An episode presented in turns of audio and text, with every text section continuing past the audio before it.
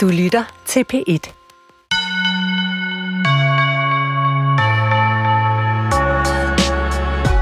Jonas Rippel, øhm, hvornår gik det op for dig, at din far ikke rigtig gad dig?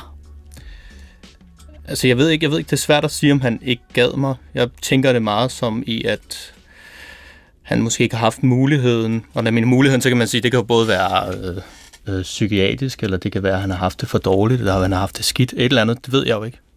Så, så jeg ved ikke, om han ikke gad mig, eller hvad der har været grund til det. Så jeg går ligesom rundt med en uforløst historie på den måde. Men det går op for mig, øh, at han ikke er i mit liv ja, 3-4 års alderen, vil jeg tro. Ikke?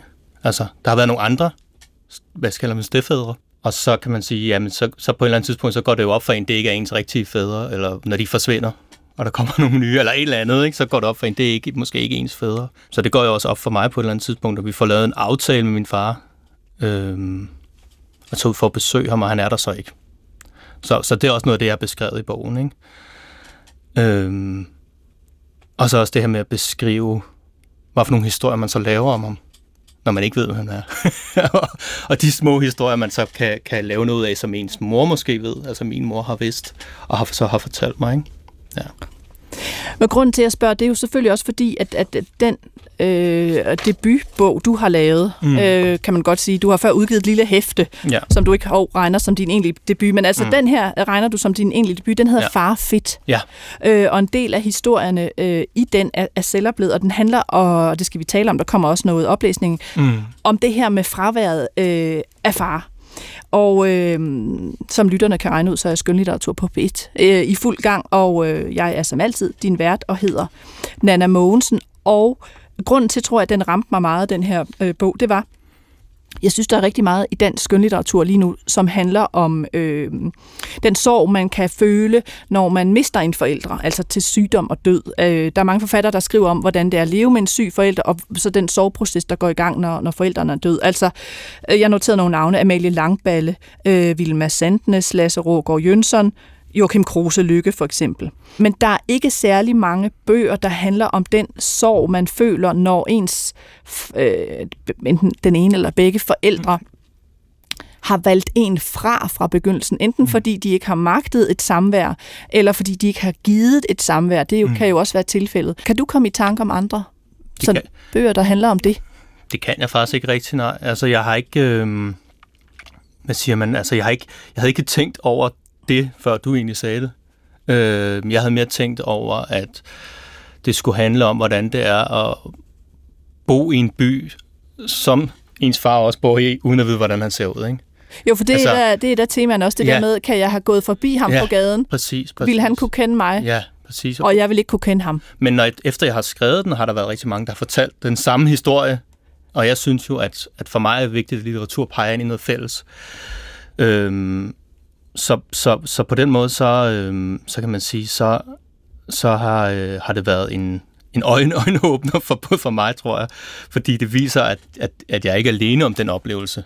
Øh, og så er jeg og så kan det blive større litteratur, eller det kan blive vigtigt for nogen, og det, det er måske det, der betyder mest for mig på en eller anden måde. Jeg ved ikke, om jeg svarede på spørgsmålet. Jo, det gjorde du, og, og, og, og jamen, jeg skal jo også skynde mig at sige, at, at grunden til, at det rammer mig særligt, er også ja. fordi, at jeg har det forhold, eller havde nu, at min mm. far, biologiske far afdød, mm. men havde det forhold til ham, mm. at, han, at jeg har set ham ganske få gange i min opvækst, mm. og han valgte samværet med mig fra. Mm uvist af hvilken grund, da jeg var barn. Mm. Så jeg har også gået med de tanker, at hvis jeg mødte ham på gaden, mm. så ville jeg ikke være sikker på, øh, hvordan han ja. så ud, okay. og ville han kunne gen, kende mig. Han kom fra en anden del af landet, så sandsynligheden ja. var måske ikke stor. Mm. Men det har været i mig i perioder, kan vide, hvordan han så ud. Ja. Altså sådan i den alder, han havde nu. Jeg har jo selvfølgelig haft nogle ungdomsbilleder af ham og sådan noget. Ja, ja, ja, ja. Øh, og der, der så slog det mig, der findes ikke meget øh, litteratur om den sorg. Mm-hmm. Øhm, og for mig er den sorg måske, den har været mere skamfuld eller sværere at tale mm. om. Jeg ved ikke, hvordan du har haft den med, med den sorg, altså i forhold til dem, der kan tale om sorg mm. ved at have en død forælder. Mm. Jeg synes, det, det har helt sikkert været øh, øh, både svært og udfordrende at skrive om.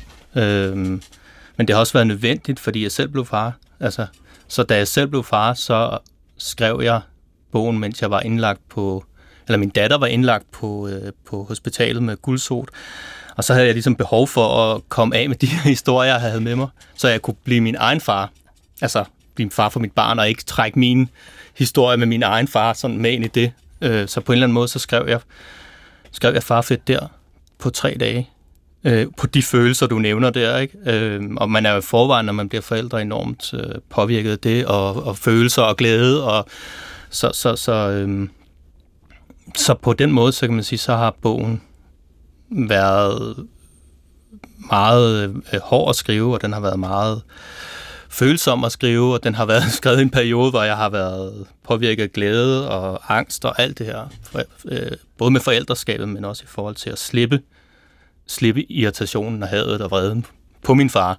Og egentlig bare, som jeg også startede med at sige, at sige, at jeg ved ikke, om han ikke gad mig. Jeg har aldrig fået mulighed for at spørge ham, men når du spørger mig, så får jeg lyst til at spørge ham. Altså. for det er sådan en ny refleksion, ikke? Jo. Øhm, hvor jeg egentlig bare har tænkt, øh, jeg tror, jeg har tænkt, øh, han kan ikke. Ja. Det er min tanke. Og, og jeg er jo ja. nok så det mere pessimistisk, så jeg tænkte, og, og det blev ret tydeligt også med ja. min far, ja. at det, det, det gad han faktisk ikke. Ja. Når jeg skulle på, på øh, sommerferie hos mm. min bedsteforældre, som jeg havde kontakt med mm. indtil noget teenage-tid, skulle jeg altid koordinere det med en tante, mm. fordi han ville ikke komme samtidig. Mm. Og jeg tror, at det på en eller anden måde mærker en. Mm. Og derfor synes jeg også, at din bog var meget øh, rørende, og jeg genkendte meget i den. Og jeg tænker, vi, måske skal vi faktisk høre et lille stykke fra den. Ja. Øh, og så kan vi også tale om, hvad den der metafor med far fedt, altså ja. hvad er det for noget? Ja. Vil du ikke bare prøve at, at, at læse, altså bare lige sådan den første halvanden side, så man jo. finder ud af, hvem er det talende jeg i fedt. den her? Og jeg skal lige sige, grafisk ser den Øh, altså der, der er nogle stavefejl i, og, og tallene er skrevet med tal, ikke med bogstaver, sådan, så, så den er og, og forskellige skrifttyper, sådan, så mm. den, er, den er ikke ensartet. Nej, det er rigtigt. Jamen, jeg læser. Kommunen sender mig til et kursus i at skrive jobansøgninger. Min mor kommer i den røde Lada. Jeg møder ind klokken 8 i et lokale over Rima 1000. Underviseren kommer over, siger, at jeg må hilse min far, at han har undervist ham flere gange og kan se på mit efternavn og øjen, at jeg må være hans søn. Underviseren håber, at han er kommet ind på slagteriskolen, som han drømte om.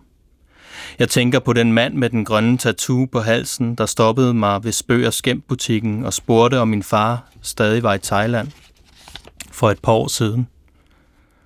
Jeg kan ikke huske den historie, jeg fandt på. Måske, at han var død. Jeg svarer ikke underviseren. Vi mødte 10 ind til kurset. Jeg har set fem af dem før. Og så er vi ligesom i gang, og så bliver det beskrevet, hvem er på kurset, og, øh, og, det, og, det, øh, og det fortsætter så. Mm. Og så, øh, så skal vedkommende, der, der, øh, der, der er der jo skrive de her sådan, øh, sådan pligtjobansøgninger, ja. og så står der så, øh, at faren aldrig kom.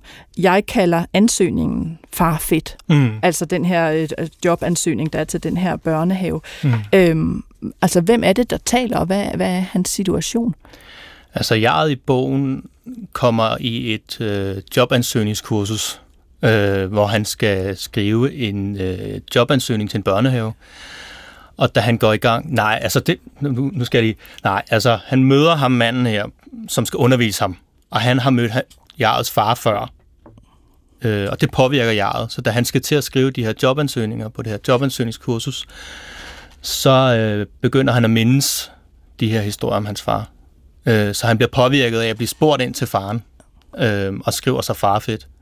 Øh, og, og det, der også sker, det er, at, at, at, at øh, Jarl kommer øh, videre, kommer på VUC, kommer på teknisk skole, kommer på øh, håndværkergården, som er sådan et sted, som bliver ved med at gå igen i historien på en eller anden måde, som er sådan et aktiveringstilbud. Ikke? Så hver gang jeget forsøger at, at komme videre, så bliver, bliver jeg trukket tilbage på en eller anden måde, ikke? til de her historier om faren, og til det her aktiveringssted. Øhm, så, så øh, og vi ja. er på Sydsjælland, altså øh, Vording, Vordingborg, ikke? Ja, vi er Vordingborg og Præstø. Og, og, øh, og, og vi er i det der med, at, at jeg støder på personer, der har mødt faren og kan mm. se noget af faren ja. i drengen, men, men det ironiske er jo så, at, at drengen eller den unge mand jo så slet ikke ved, mm. øh, præcis. hvordan faren ser ud. Så det ja. er jo sådan en konfrontation med den ja, sorg hele tiden. Ja, begynder at fortælle historier til de folk, han så møder. Ja, Altså, min far er død, og min ja, far ja, er... Ja, fordi de spørger, hvorfor, hvor, om han stadig er i Thailand. Ja. Men jeg ved ikke, at han er i Thailand. De siger bare, ja, det, det er han stadig. Eller han er død på den jyske hede. Eller sådan noget. Altså forskellige historier, som man kan sige, og det gør jeg også i sin barndom i digtene. Ja. Øh, så det er sådan, det, det er de Så siger han, han er soldat, og han ja. er i alle mulige steder og redde folk. Og, og, og prøver også at opsøge, altså jeg ender også med, at jeg er på at opsøge faren, og prøver at gøre de samme ting, som han har hørt faren har gjort, ikke? øh, søger ind på øh, en kaserne for at blive soldat, fordi han har hørt, faren er soldat, men har for, øh, er for lav, har for, altså har for dårlig fysik, kan ikke komme ind og blive soldat og sådan noget. Ikke? Så der er også mange nederlag på en eller anden måde. Det handler enormt meget om at ikke kunne leve op til maskulin øh, hvad skal man kalde det, for maskuline tendenser på en eller anden måde. Altså være soldat og kunne slås og kunne øh, lave håndværkerarbejde, gå på teknisk skole, være maler og alt det der. Det, det kan jeg ikke rigtig finde ud af. Så han fejler i, det, i de spor, faren har lagt på en eller anden måde. Ikke? Ja. Og hvad vil det sige at være altså at have farfit? Fordi der, der er sådan et øh, øh, der er sådan flere stykker her. Øh, det kan være, at du kan prøve at mm. læse mm. noget af det her øh, op, der starter med, kig, der er ikke sidetal på, der hedder, kig, jeg går langs de vægge, man kalder skolen. Altså ja. det er sådan en, en, øh, en altså der er øh, det talende jeg, sådan i skolealderen i hvert fald. Ja, ikke? okay. Kig, jeg går langs de vægge, man kalder skolen, med et ansigt, jeg ikke har nu. Eller jeg sidder på en skriggrøn sofa med Ninja Turtles joggingbukser og Gameboy. Goddag, min tunge er for stor. Goddag, den kan ikke være et almindeligt klasseværelse. Goddag, min yndlingsspice er baby spice. Jeg samler på foto, hvor hun rækker tungen. Jeg kan ikke sige ord rigtigt, så jeg skal være her til jeg kan. Lægen kan ikke gøre noget. Måske har jeg arvet den af Chris, har jeg det? Måske er der for lidt farfedt på huden. Hvorfor er du så farfedtet? Fedt mig ind, fed mig op. Se, jeg går der med børn, der er noget galt med fordi mit life with you, daddy, is a fantasy. I'm your prince, and you are my king. Vi bliver kaldt pandekageklassen på lærerværelset. Vi skal fortælle, hvad vores far, har lavet, hvad vores far laver til Brit. Det er fardag. Så sidder vi i en rundkreds på den røde sofa og svinger med benene. Jeg siger, at du bor i Afrika, er ude at rejse for Novo Nordisk, at du går med en sort kuffert, at du dræber næsehorn, svømmer med hajer, du er boss for Nordea, legemorder, du skyder røver, Brit siger ikke noget, så Klas siger ikke noget. De ved, at du ikke kom dengang på stationen. At du ikke har smurt min hud med farfedt. At jeg er farfattig og fedtfattig og løgntunget. År efter står jeg skægstubet med, skægstubet med fubusæt i Algade og fortæller, at du er død på en seng på et hotel i Thailand. At vi har hentet dig at du lignede en rosin, at din indmad lå i sengetøjet, at vi smed din ask på den jyske hede, hvor du kom om sommeren hos din mormor og spiste jordbær med fløde og sukker, fra du var to. Her er den her metafor flere gange, øh, Jonas Ribbel, det ja. her med, øh, at du har ikke smurt min hud med farfedt. Mm. Hvad betyder det? Jamen det er, jeget i, i, øh, jeget i digtsamling bilder sig ind, at øh, det mangler noget. Men det er jo en interessant uh, metafor, altså mm. det her med, at, at faren, altså jeg er farfattig og fedtfattig, altså det her med, at forældreskabet, man, øh, man møder mm. hos sine forældre, at det på en eller anden måde har med fedt på kroppen at gøre. Ja, men, men der er ting som i, at, at, at jeg bilder sig ind, at det mangler noget fra faren, som er noget maskulint, og det er farfedt. Altså, jeg bilder sig ind, at det er det, der vil gøre, at han kunne komme på øh, komme militæret, eller op arbejde på kasernen, eller blive maler, eller håndværker, eller, eller en eller andet. Alle de historier øh, bilder jeg sig ind, at det vil, det, vil, øh, det vil gøre, at han kunne det. Og det er jo løgn. Altså, sådan, det viser sig jo, det er løgn. Nu afslører jeg det, men, mm. men det er ikke rigtigt. Øh, og det synes jeg heller ikke er rigtigt. Men, men det er for at vise, hvad, hvad, hvad, hvad man kan komme til at bilde sig ind i sådan en, en maskulin samfund som vores for eksempel. Ikke? Øhm, så så, så når, når jeg siger farfedt, eller skriver om farfedt, så er det for at sige, at, at, at, at øh, det er en historie om, hvad man kan tro man kan mangle i sit liv. Men det er bare en interessant metafor, Ja, at ja. det har noget med, øh, med, altså, ja, det har noget med krop at gøre, men også Mm. med fedt. Ja. At det der med, at man ikke har fået den fedtindsmøring, mm. som man på en eller anden måde skal have for, mm. af forældrene, og den Øh, altså man kunne også have valgt en metafor, der hed, at man så havde kun en halvt hjerte eller et eller andet, Mm. men den med fedt er, Mm. synes jeg er meget øh, spændende. Ja, Øh, og det ord, du også bruger, der hedder løgntunget, ja. Ja, det er rigtigt. er det fordi, han lyver hele tiden om, hvor hans far er? tænker jeg det. Altså, det er helt sikkert noget med, at, at, og, og også lyver for at slippe for skammen på en eller anden måde. Ikke? Mm. Altså, det er jo også noget med at holde fast i det narrativ, man har i den historie, man har omkring faren, for at kunne øh, overleve i, på skolen, eller overleve på jobansøgningskurset, eller, eller hvad det nu er, man er en del af, ikke? hvor han går igen, faren, for det her jeg i historien. Ikke? Øhm, at det er jo en overlevelsesstrategi, tænker jeg, for hovedkarakteren, eller for jeget i bogen. Og hvorfor er der så mange øh, uregelmæssigheder i skriften og stavefejl? Det kan lytterne jo så ikke høre nu, men altså stavefejl, masser af stavefejl ja. og bogstaver, der mangler og sådan noget. Hvor- Hvorfor er der det? Jamen i første omgang, så, så handlede det om, at, at, øh, at jeg ikke staver særlig godt. Altså jeg, jeg, jeg er sådan blevet konstateret, øh, hvad man kalder det for, blevet vurderet som ordblind. Øh, med, med, jeg tror man kan have 28. Hvis man har over 28, så er man ikke ordblind. Eller sådan. Jeg tror det er sådan der. Og jeg har 27 fejl ud af den skriftprøve, jeg tog. Ikke? Så jeg er ikke sådan fuldstændig, jeg kan godt læse, og jeg skriver også og sådan noget. Jeg laver bare mange stavefejl. De stavefejl, der er i bogen, er egentlig sådan, nogle af dem er fuldstændig ubevidste, og nogle er bevidste. Nogle er lavet for at øh, få folk til at stoppe op og kigge på bogen lidt længere, og bruge lidt længere tid med, med, med, øh, med ordene og med digtet og sådan noget. Og nogle er lavet for at, eller bare lavet af mig, altså uden, uden egentlig tænkt over det. Øh, og det har Kurt Finsten, som er min redaktør, ladt stå. Og så er der noget, hvor vi har, vi, man kan sige, hvor vi er nødt til at fjerne det, fordi ellers kunne man ikke kunne læse den. så, så det er sådan en... Øh, og så nummer tre kunne være, eller er, at det også er lavet for afspejljaret.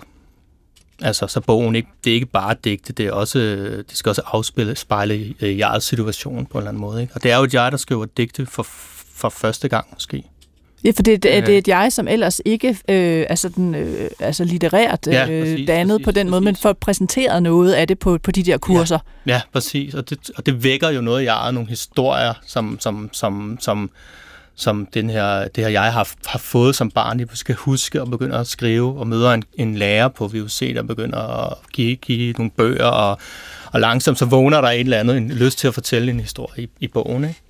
Øhm, så, så, så der er sådan, det, det, er egentlig- det er de tre ting, jeg har tænkt, der gjorde det. Ikke? Øhm, og så er det selvfølgelig også skrevet øh, på sydsjællandsk. Så det er jo sådan noget, hvor man fjerner ærerne, ikke? Sådan tos og, og, og hvad, hvad, hvad er det mere, nu skal jeg tænke? Siger i hvert fald tos, ikke? Og pøls og sådan noget. Altså det, det, det, det, det, det gør man i Præstø, hvor jeg kommer fra, der fjerner man ærerne, ikke? I, i, i sproget.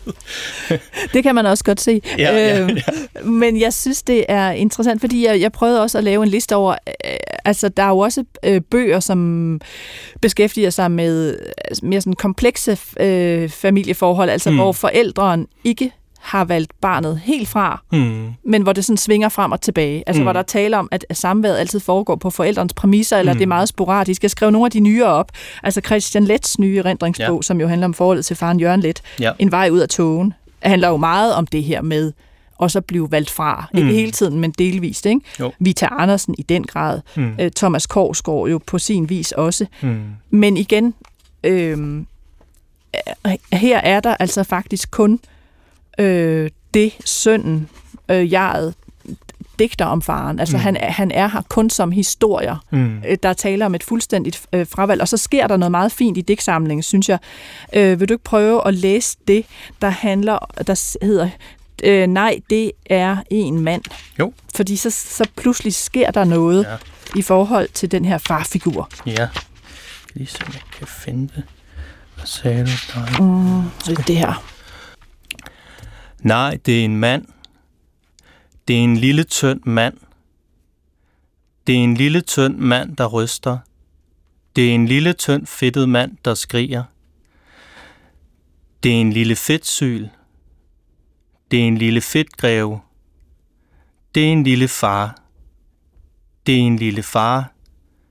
Det er en lille far, der er grået ud af huden i mit baghoved. Du er en sulten far. Dine tarme skriger fra din mave, nej mave. Jeg lægger dig til et fedthul i min armhule. Æd dig stor din fedtsyl. Nu kan du leve. Nu kan vi tale om, hvorfor du forlod mig. Om du er kommet for at sige undskyld. Jeg har ingenting at sige. Jeg har længtes sådan efter dig, men jeg har ingenting at sige. Ordet er dit. Jeg er underlig lykkelig nu. Jeg er et rundstykke.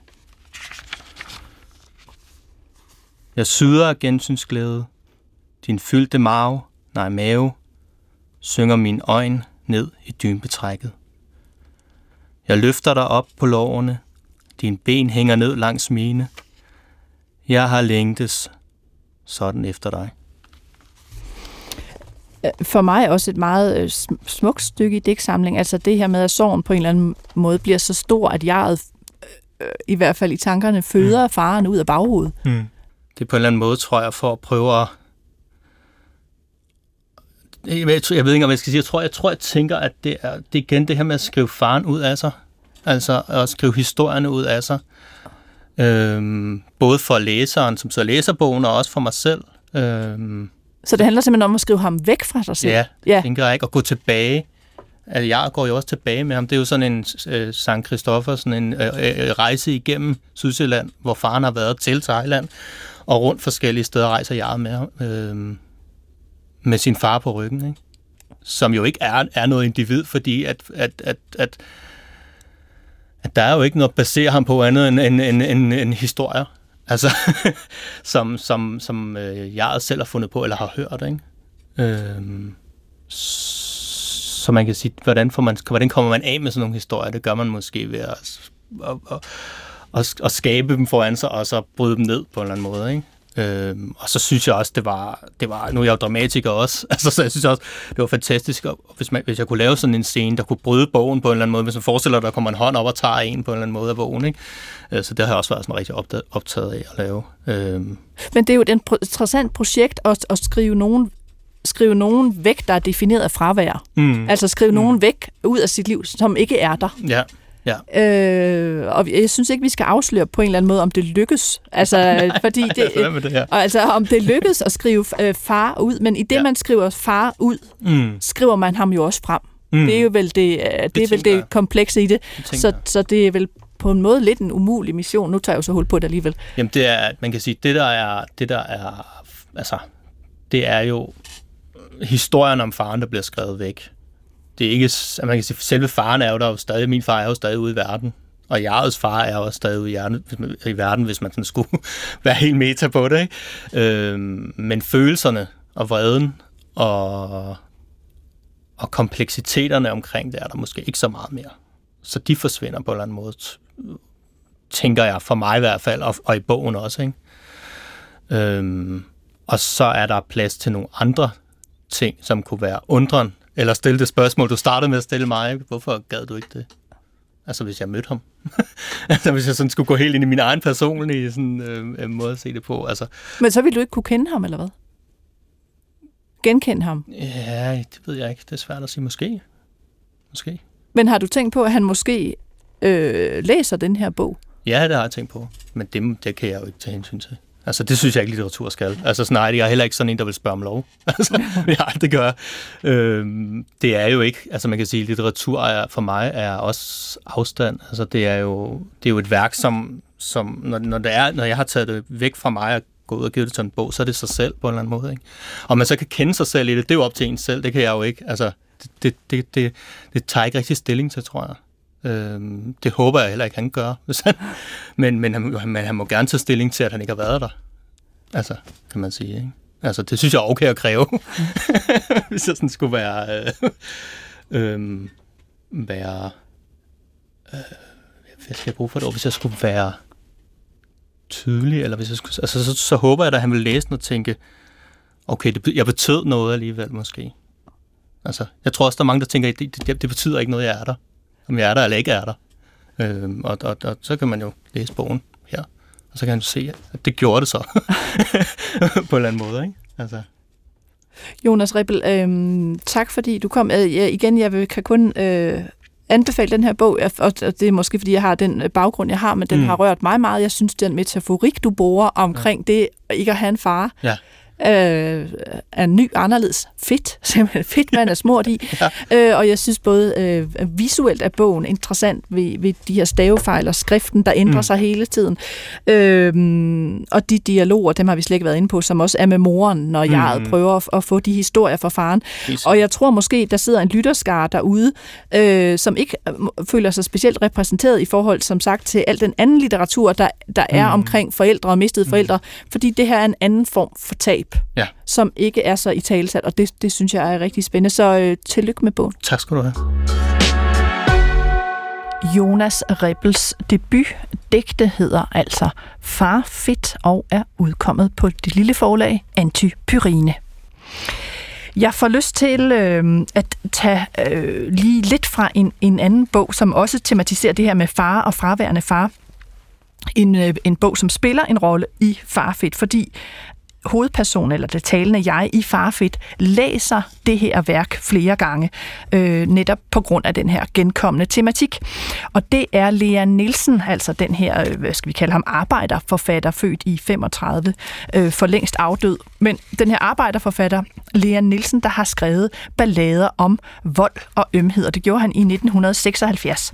Og det er sådan en, en coming-of-age-historie, øh, hvor man følger hovedpersonen, som også hedder Leon, øh, fra han er 14 til han er øh, 17, hvor han øh, bliver anbragt alle mulige steder på sådan nogle drengehjem, og han arbejder på nogle skibe, og han får nogle erfaringer med, med piger.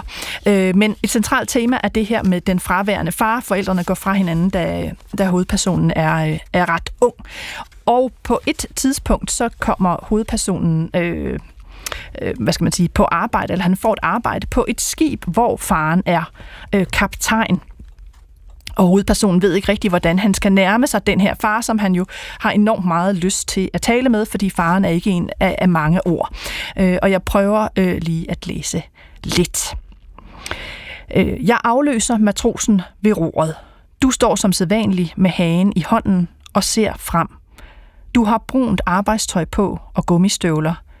Stemningen er god, og vi har stadig lys over havet.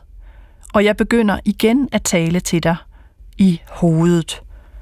Du er et menneske, der er blevet længtes meget efter. Vi glæder os altid over dine breve, især over søndagsbreve med kryds hen over konvolutten. Når der kom sådan et brev, så vidste vi, at du ville komme i løbet af et par dage. Vi frygtede for dit liv under krigen. Vi har sandelig bedt mange bønder for dig. Jeg tegnede altid skibe til dig og fik det med i mors breve. Og øh, ja, så må man jo selv læse videre i, øh, i den her meget fine ballade om vold og, øh, og ømhed, øh, nok Lea Nielsens hovedværk, øh, hvordan det går med forholdet mellem fortæller, altså øh, sønnen og faren. Vi skal øh, videre her i øh, skønlitteratur på P1 øh, med endnu en debutant. I dag har vi altså to debutanter, og begge tematiserer de det her med den fraværende forældre. For øh, i Ingrid Nymus tilfælde, det er nemlig hende, så var det hendes fars død, der satte gang i trangen til at skrive en længere sammenhængende fortælling. Min øh, kollega Diana Bak er fuldt med Ingrid Nymo til øh, barndommens landskab i Thy, som også danner ramme for øh, en del af hendes debutroman, der hedder Kloster. Lyt med her de næste 25 minutter. Nu er vi jo inde i Nationalparken. Altså, vi er inde i Nationalpark Thy? Ja, det er en del af det. Altså, da jeg var barn og ung, der var det jo meget bare sådan en scene, hvor jeg ligesom levede mit liv ty. Hvor jeg gik mere op i nogle andre ting, og så kunne man tage ud i skoven, og det var fedt, men det var bare sådan, det var der bare. Og nu er jeg blevet meget bevidst om, at det er noget helt særligt i Danmark. Og også en meget anderledes natur end i Øst-Danmark, hvor jeg bor nu. Øhm, jeg bor i Aarhus. Og det er jo sådan en helt anderledes stemning, der er ude i skovene derude. Sådan mere anemoneagtigt, mere bøgeskov. nogle runde bakker, sådan lidt mere en Biedermeier-vibe, øh, hvor her er der mere sådan en trolde energi. Altså nu er det også en sø det her, og der er også nogle, nogle egetræer og nogle bøgetræer her, men de der graner og heden og lyngen og sådan klitterne og det der, det er også en mere sådan rå, øh, rå stemning.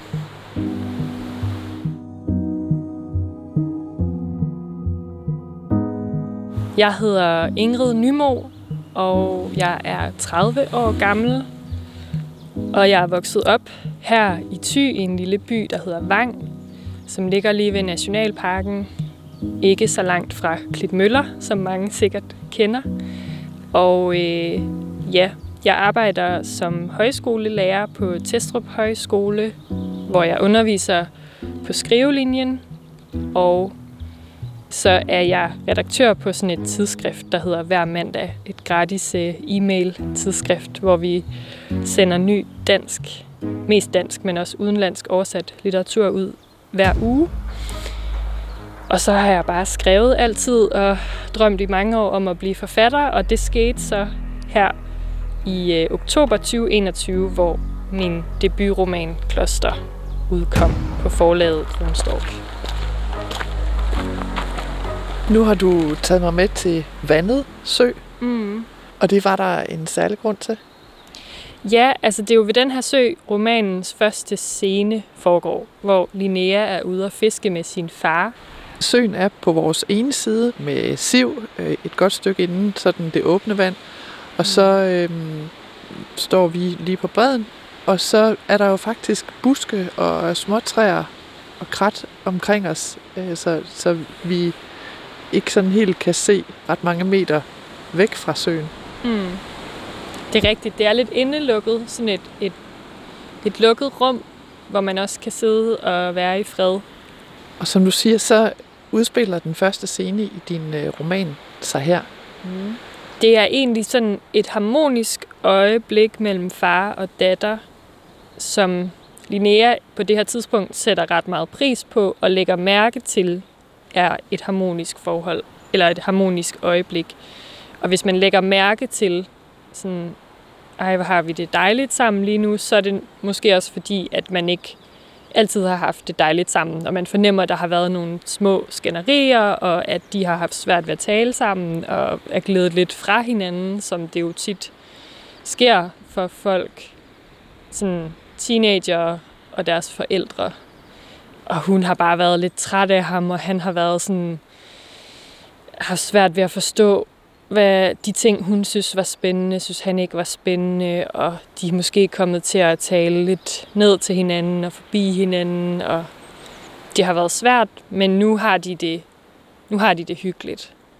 Og så fanger faren en fisk, øhm, og det føles sådan helt mirakuløst for dem begge to lige der, da det sker.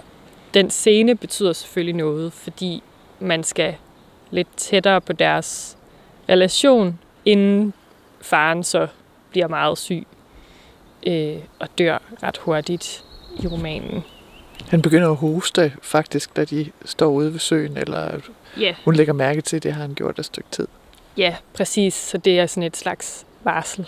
Linnea, hun blev slået helt ud af kurs, da hendes far dør. Ja, det gør hun. Altså, jeg, jeg tænker, det er meget normalt, når man er der sidst i, i de sene sådan teenageår, start 20'erne, at man skubber sine forældre lidt fra sig. Altså, man har øh, brug for at finde ud af, hvem man selv er, uden alle de idéer, de har sådan indpodet i en, og gøre sig uafhængig sådan i sit indre liv også. Så man har brug for at tage afstand fra en masse ting. Sådan havde jeg det i hvert fald selv. Og hvis man så mister en forældre i den fase, så kan det føles enormt voldsomt, tror jeg, fordi det kan også gøre sorgen sådan kompliceret. Det kan være forbundet med noget fortrydelse. Altså, hvorfor, øh, hvorfor satte jeg ikke mere pris på ham, da han var her? Jeg tror, der er en, øh, en sund, sådan et sundt forløb i at få lov til at skubbe dem væk, og så tage dem til sig igen på sine egne præmisser, inden man en dag skal sige farvel til dem. Og det er jo så det, der bare sådan bliver afbrudt meget pludseligt for Linnea, og hun, hun savner ham helt vildt, men samtidig er hun jo stadig i den her fase, hvor hun har brug for at tage afstand til ham og det, han stod for.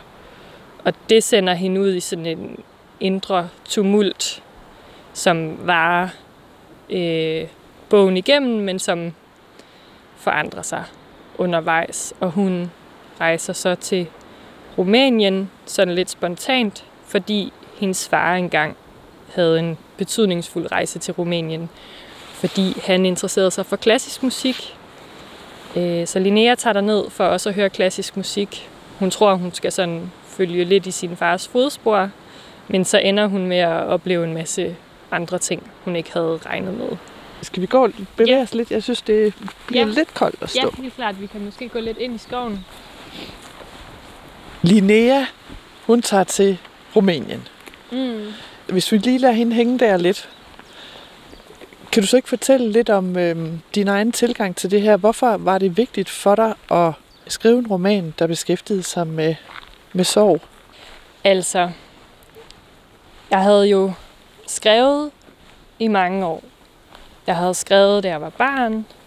Skrev jeg sådan nogle fantasy-historier. Jeg læste meget fantasy. Så skrev jeg, begyndte jeg at skrive digte i gymnasiet. Og fik dem også udgivet i nogle tidsskrifter. Og sådan, så skriften var der allerede, da min far i virkeligheden så dør meget på samme måde, som han dør øh, for Linnea.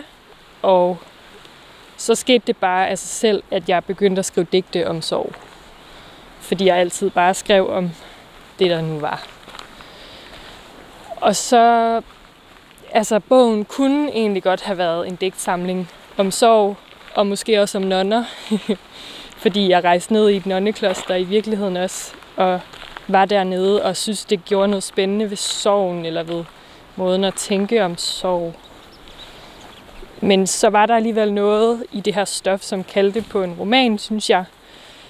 Der var sådan en klassisk hjemme ude hjemme konstruktion, der opstod. Og jeg fik lyst til at skrive prosa, fordi jeg synes, der var noget ved poesien, som var begyndt at føles lidt begrænsende for mig. Altså, tidsligheden i et digt er meget anderledes end i prosa. I prosa kan man sådan brede sig ud på en større bane, skabe et større univers, behøver ikke opretholde øhm, sådan en poetisk intensitet hele tiden. Og jeg havde lyst til på en måde at have sådan et, et univers og nogle karakterer, som jeg kunne skrive lidt mere sådan roligt rundt om. Og nu siger du lige, at du også selv kom til et kloster. Mm. Hvordan gik det til, at du endte i et kloster i Rumænien? Altså måden, jeg selv endte dernede på, det var, fordi jeg efter jeg havde været på højskole, ville jeg gerne ud at rejse.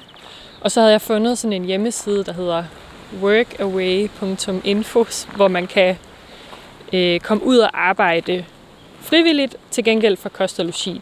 Jeg havde tænkt, at jeg skulle ned på sådan en vingård i Frankrig. Det var min drøm. Jeg ved ikke, om øh, om du kender den film, der hedder Pigen med den blå cykel, hvor der er sådan en ung kvinde, der cykler rundt mellem nogle vinmarker i Sydfrankrig. Og det var sådan, det var, det var drømmen at have den følelse. Men der var ikke nogen af dem, der svarede, og så pludselig poppede det her nonnekloster op, som sådan en annonce inde på siden, som også søgte frivillige i Rumænien. Og så skrev jeg til dem, og de svarede, og så tog jeg derned.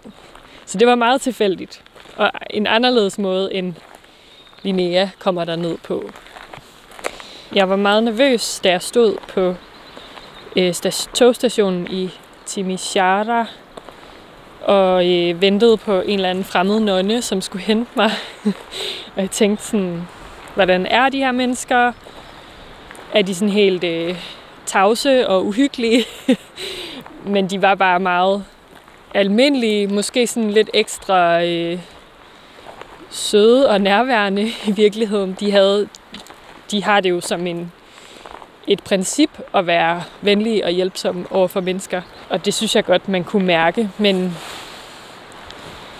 de levede i sådan et, et øh, ret skønt fællesskab, hvor man ikke lagde så meget mærke til den, det der hierarki, som der jo var, men de, det virkede som om, de havde en meget fri omgangstone. De talte meget sammen. Der var slet ikke tavshed. Altså nogle gange kunne jeg nærmest få lidt hovedpine af at sidde inde i værkstedet, fordi de snakkede så meget med hinanden på rumænsk. Og lavede sjov og lavede jokes og øhm, tog pis på hinanden og hyggede sig. Og selvfølgelig var der også bønder og højtidlighed, især når de var inde i kirken. Men jeg synes, de levede sammen som en helt almindelig familie ville leve sammen. Bare flere mennesker, og bare selvfølgelig med den her kristne grundtone under det hele. Ja. Og nu kom den regn alligevel. Ja. Skal vi, jeg ved ikke, om vi skal vende om igen. Vi tager lige og går tilbage af. Ja. Hvad var din opgave i klosteret? Øhm, først så hjalp jeg til ude i køkkenhaven, ligesom jeg også lader Linnea gøre. Jeg fik sådan en nonne, jeg særligt var sammen med og hjælp. Hjælp til ude i haven, hjælp til med at sylte ting. Hakke peberfrugter, som skulle syltes, og hakke agurker, som skulle syltes. Og ordne ting i drivhuset, og lave nogle små sådan, håndarbejdsting øh, inde i værkstedet. Sådan nogle armbånd, der skulle sælges. De havde sådan et værksted, hvor de lavede altså det, jeg kalder ortodox merchandise. sådan lidt strengt at sige måske, fordi det er jo sådan nogle hellige ikoner, de også laver. Men alle mulige billeder af Jesus og kompagni, som de limede på sådan nogle træstube og broderede på nogle billeder og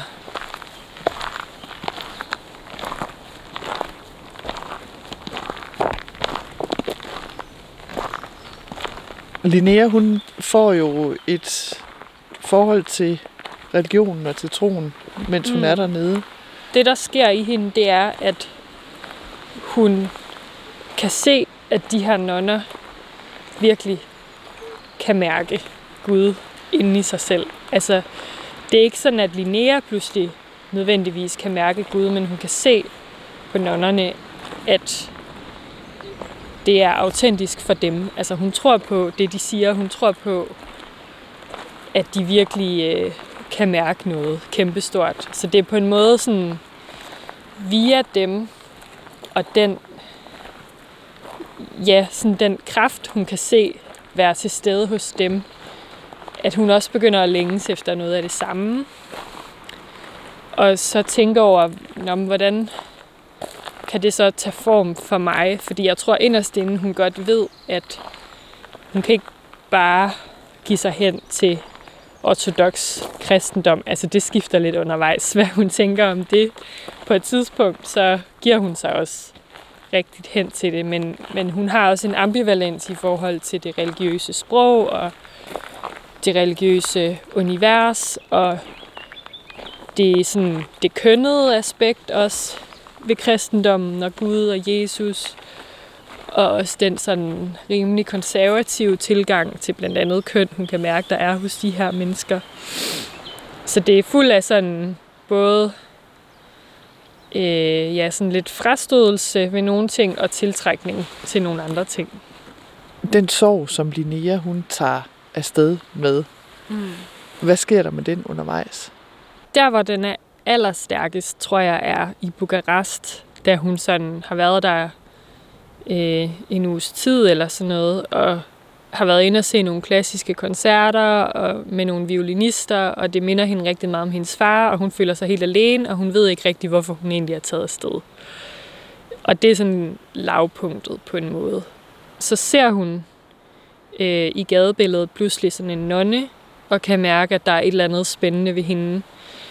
Og så sådan meget symbolsk begynder hun at følge efter nonnen gennem byen, og ender så hos en, en præst inde i en kirke. Nonnen forsvinder, og så er der den her præst, som så velsigner hende. Og det giver hende sådan en, en vild følelse i kroppen, som også er fremmed og underlig. Hun har ikke prøvet at blive velsignet før på den måde, sådan personligt. Og øhm, den følelse kommer hun, altså kan hun mærke, den vil hun gerne opleve igen. Hun vil gerne i kontakt med den følelse igen. og i kontakt med nogle flere sådan religiøse personer. Hun er nysgerrig efter, hvad det er, der driver dem, og om hun kan få adgang til noget af det samme. Og det får hun også adgang til. Hun har nogle sådan spirituelle oplevelser inde i det der kloster, og også ude i skoven omkring klosteret, som på en måde overtager sorgen, tror jeg. Altså sorgen glider lidt mere i baggrunden, jo mere hun lever sig ind i det her univers, og lærer nonnerne at kende, og de giver hende en masse glæde, og det her fællesskab giver hende en masse glæde.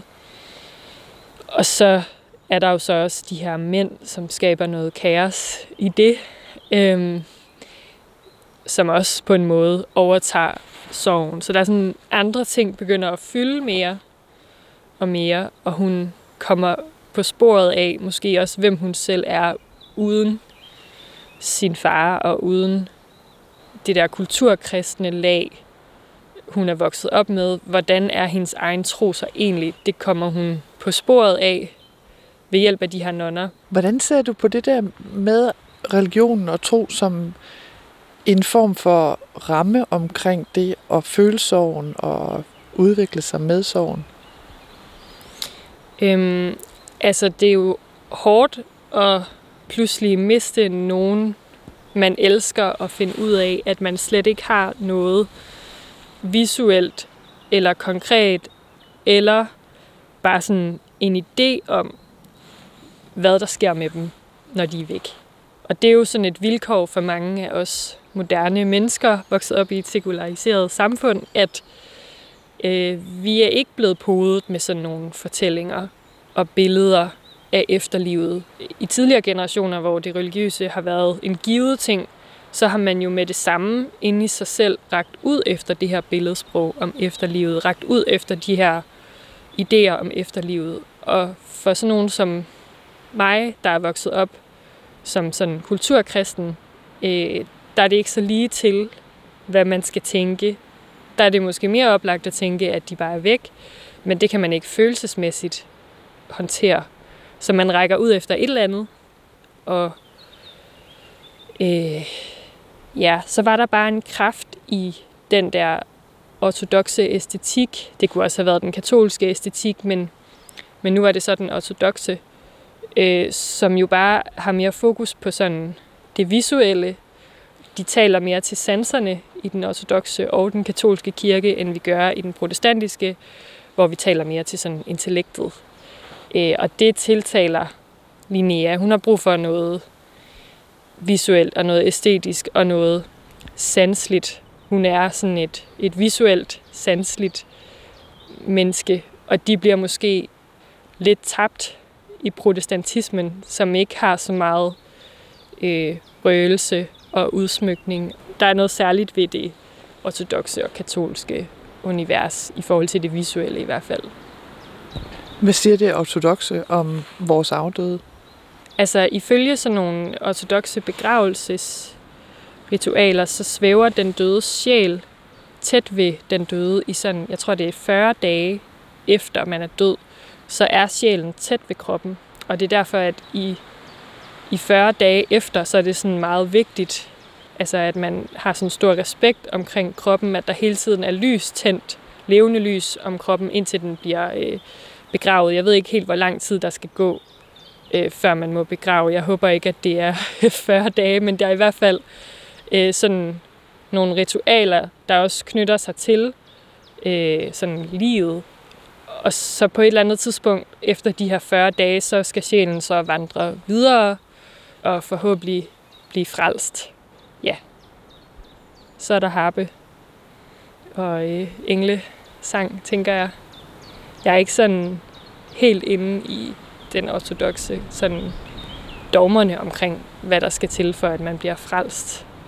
Men der er i hvert fald noget ved det der med sjælen, som stadig sådan bliver hængende. Der også øh, er sådan lidt, øh, det er sådan lidt spøgelsesagtigt.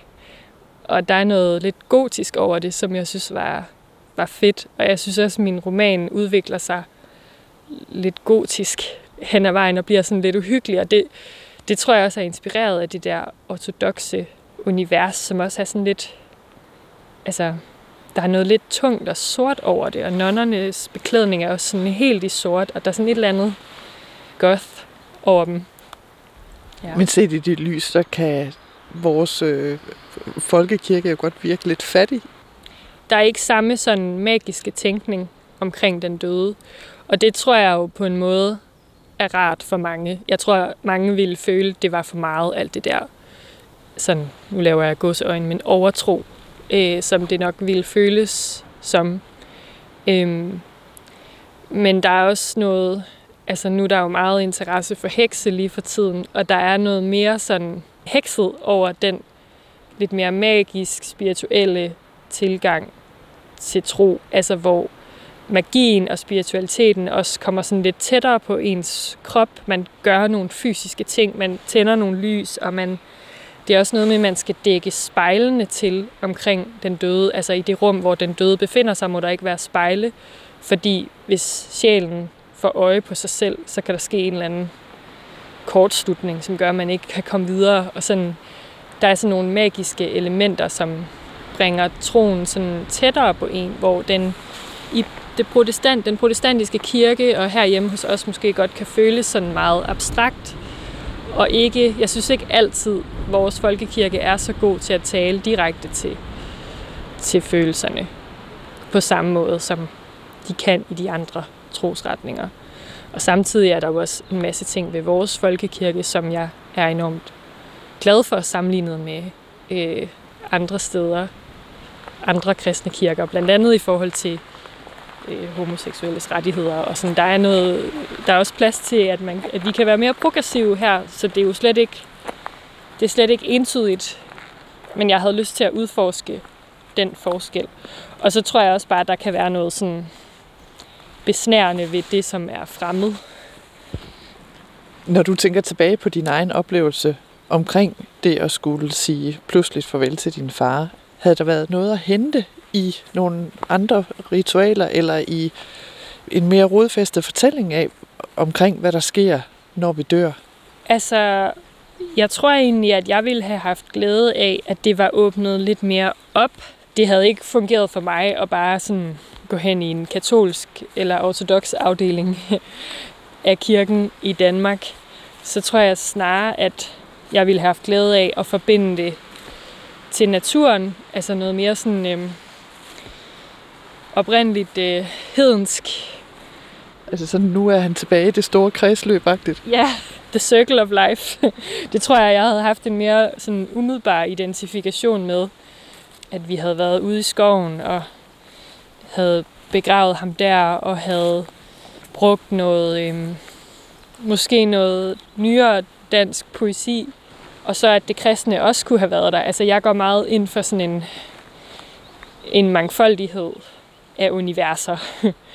det vil jeg have synes var dejligt. Nogen ville kalde det sådan øh, en pærevælling, og nogen ville kalde det sådan noget øh, supermarkeds øh, religion, hvor man bare tager det, man godt kan lide fra de forskellige trosretninger, og så laver sit eget sådan hyper-individuelle take på det, men det kunne jeg godt tænke mig. Man kan jo også så se din roman som et bidrag til det, til at andre kan opleve de her ting. Ja, helt sikkert. Øh, det håber jeg da også, at de kan identificere sig med Linneas sådan øh, kværbabelser over tro og religion, men også nogle af de sådan små åbenbaringer, hun oplever undervejs. Øh, jeg ville gerne lave sådan et portræt af et moderne menneskes tro, som jo bare, altså hvor øh, flosset og uperfekt den tro så end er, at så har den også værdi i sig selv, og måske har den værdi i al sin sådan uperfekthed. Og det kan der også være noget øh, charmerende i, og noget genkendeligt i, som jeg gerne ville øh, give noget plads i bogen. Den tvivl. Det fortalte den debuterende forfatter Ingrid Nymo til min kollega Diana Bak. Og øh, hendes roman Kloster er udkommet på det lille forlag Kronstork, så altså også to mindre forlag i dag. Jonas Rebels Farfit øh, var som sagt udkommet på Antipyrine. Øh, og jeg skal måske lige sige, at den Lea Nielsen øh, bog, jeg læste op af før, trods alt er udkommet på Gyldendal i min udgave. Skønlitteratur på P1 er slut for denne gang, hvor det har handlet om de fraværende fædre af den ene eller den anden grund.